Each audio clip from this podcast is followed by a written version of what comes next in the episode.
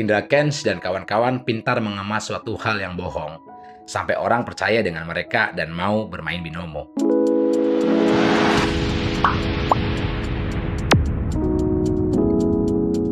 Apa yang bisa kita pelajari dari kasus Indra Kens? Saya cukup mengikuti video-video Indra Kens dan Doni Salmanan.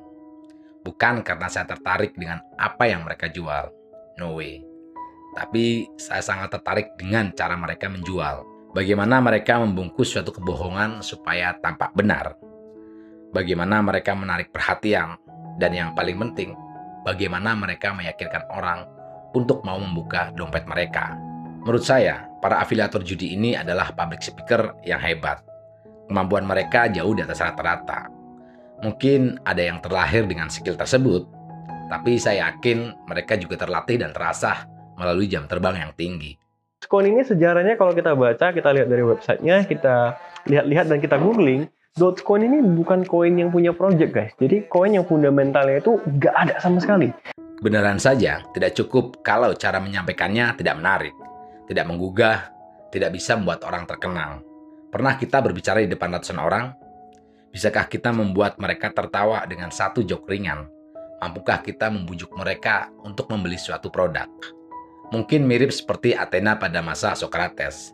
Orang berbondong-bondong belajar retorika kepada para sofis yang jual paket belajar yang mahal agar dapat berdebat di muka publik dan mempengaruhi orang. Uniknya, pada masa chaos etika inilah filsafat klasik lahir dan memberikan perlawanan berupa cara berpikir yang benar, meski harus menjadikan Socrates sebagai tumbal. Indra Kens dan kawan-kawan pintar mengemas suatu hal yang bohong, sampai orang percaya dengan mereka dan mau bermain binomo. Tentu saja karena public speaking yang hebat. Coba kamu perhatikan video-video Indra Kens. Apakah yang menjadi kelebihan Indra Kens selaku afiliator dibandingkan dengan orang biasa? Pertama, penyampaian komunikasi yang mudah dipahami, lugas dan jelas. Kedua, artikulasi dengan suara yang jelas dan tidak dibuat-buat. Beda dengan leader MLM yang cenderung berapi-api. Seorang Indra Kens menyampaikannya dengan gaya anak muda yang terdengar cerdas dan tidak menggurui. Ketiga, show the proof, menunjukkan bukti. Di awal dia sudah menunjukkan bukti withdrawal, bahkan settingnya di co-working space yang cukup mewah.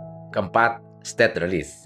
Dia sebutkan risikonya di video itu, meskipun dia tidak mengatakan tentang lisensi, izin, atau larangan dari pemerintah untuk perjudian ini.